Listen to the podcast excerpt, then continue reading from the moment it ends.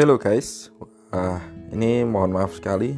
Saya kemarin janji kalau ingin melanjutkan mengenai tujuh haluan untuk menjadi writerpreneur menurut Bapak Bambang Trim selaku penulis buku Writerpreneur Panduan Insaf Pekerja Teks Komersial. Ya, seperti cerita tadi bahwa saya sebenarnya janji mau membuat video Cuma saya kok males mau ganti baju, mau mempersiapkan dadak bengeknya. Oleh karenanya di sini saya akan membuat podcast saja yang nantinya juga bisa dinikmati oleh eh, teman-teman uh, sekalian.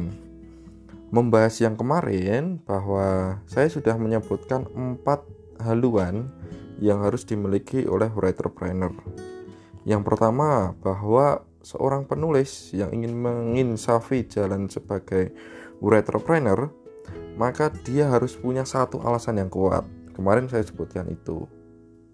Yang kedua, bahwa penulis itu harus menyadari bahwa dirinya itu seorang penulis generalis atau seorang penulis spesialis. ah, maaf. Yang ketiga, anda atau seorang penulis itu harus sadar bahwa pasar yang akan dia hadapi itu sangatlah luas. Tidak hanya perseorangan, tapi bisa juga lembaga atau organisasi swasta ataupun organisasi pemerintah.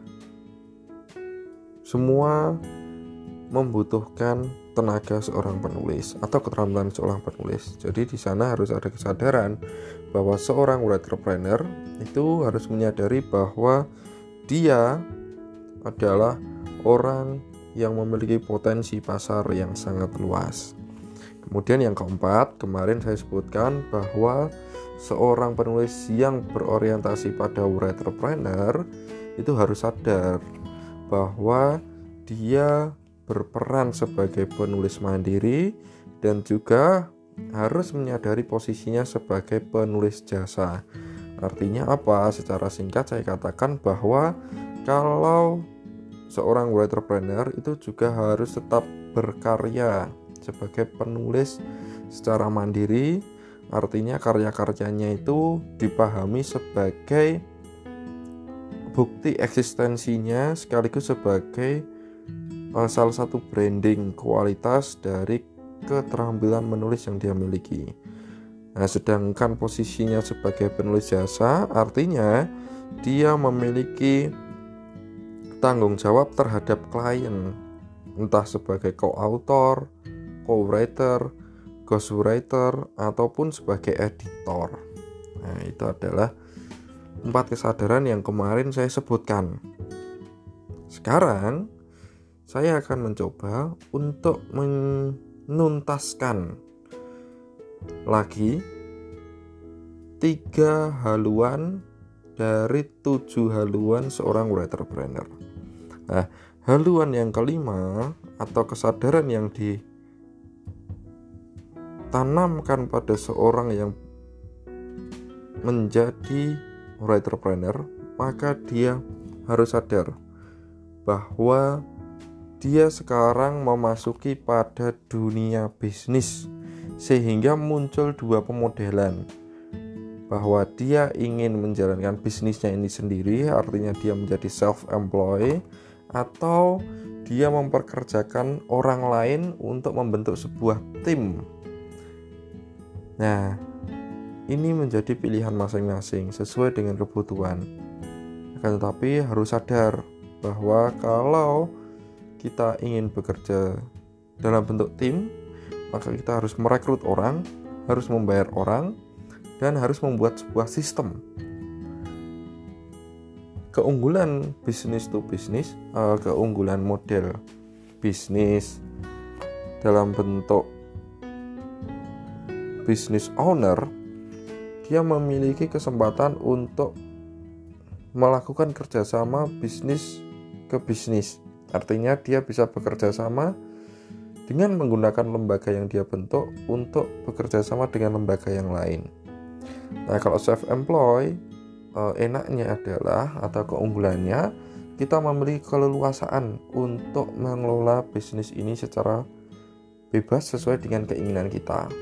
Hanya saja kita nanti akan kesulitan kalau ingin menjalin kerjasama dengan sebuah lembaga atau perusahaan yang mengharuskan kerjasama perusahaan tersebut harus berbadan hukum atau berbadan usaha.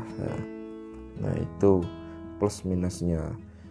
Kemudian ada juga kesadaran yang keenam yaitu harus menyadari pentingnya promosi. Karena apa? Karena dunia tulis menulis atau layanan yang ada di bidang penulisan dan penerbitan itu tidak banyak orang yang tahu. Makanya, seorang yang berkhidmat atau meyakini atau sedang menjalani perannya sebagai seorang entrepreneur, maka dia memiliki kewajiban untuk mempromosikan apa yang sedang dia lakukan. Bisa dengan menggunakan media sosial, bisa juga dengan menuliskan kegiatannya di blog. Ini penting agar orang-orang tahu apa yang kita jual atau keterampilan apa yang bisa digunakan oleh orang atau keuntungan apa yang bisa diperoleh dari kita ketika orang menggunakan jasa kita sebagai writer planner. Kemudian haluan yang terakhir atau haluan yang ketujuh bahwa seorang entrepreneur itu harus percaya bahwa aktivitasnya sebagai seorang entrepreneur yang melayani di bidang penulisan dan penerbitan itu memiliki nilai bisnis jutaan, puluhan juta, ratusan juta, bahkan sampai miliaran rupiah. Ini terbukti. Kemarin saya mendengar ada salah seorang penulis dari Bantul itu katanya mendapatkan tawaran untuk menulis biografi di mana nilai proyeknya kalau dirupiahkan setara dengan 50 juta itu belum termasuk dengan biaya transportasi dari Jogja ke Jakarta untuk wawancara, untuk melakukan riset penulisan dan lain sebagainya. Nah di buku Bambang Trim Writerpreneur Panduan Insaf Kerja Teks Komersial ini di akhir bab itu juga diceritakan bahwa ada loh orang yang berperan sebagai co-writer atau sebagai ghostwriter itu mendapatkan bayaran senilai dengan harga mobil kelas menengah terbaru di Indonesia. Mobil kelas menengah bisa dibayangkan berapa? Mungkin 400 juta.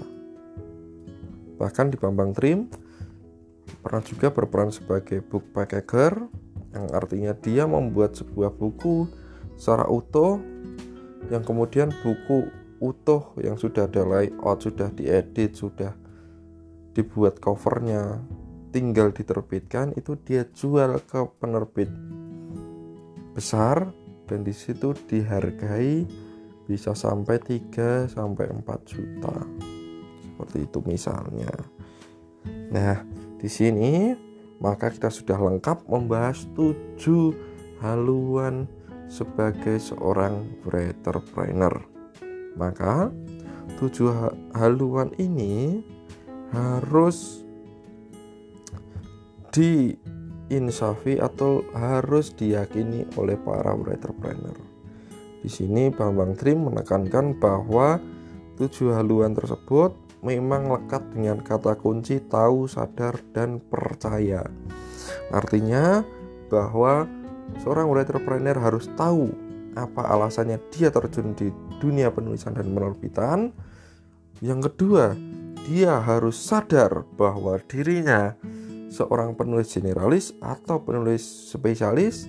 Yang ketiga, bahwa Seorang entrepreneur harus sadar bahwa pasar dunia penulisan dan penerbitan itu sangatlah luas. Kemudian harus juga disadari bahwa seorang entrepreneur itu berlaku juga sebagai seorang penulis mandiri dan penulis jasa. Yang kelima, bahwa entrepreneur harus paham, harus sadar bahwa ketika dia masuk ke dunia entrepreneur, maka dia masuk ke dunia bisnis di mana dia akan ditunjukkan pada dua pilihan mau menjadi self employed atau menjadi business owner. Kemudian yang keenam, bahwa seorang entrepreneur harus sadar bagaimana pentingnya atau perlunya sebuah promosi agar keterampilan yang dia jual bisa dilihat, dikenali, dan diketahui oleh halayak ramai. Dan yang ketujuh atau yang terakhir adalah seorang entrepreneur harus percaya bahwa penulisan penerbitan yang dijalankan olehnya itu bisa bernilai puluhan juta, ratusan juta, bahkan sampai miliaran rupiah. Itu podcast dari saya sebagai sambungan dari video YouTube yang kemarin saya upload. Begitu, nanti kita lanjutkan lagi pengkajian kita tentang buku Entrepreneur Panduan Insaf Pekerja Teks Komersial. Sampai jumpa di video atau podcast selanjutnya. Sampai jumpa.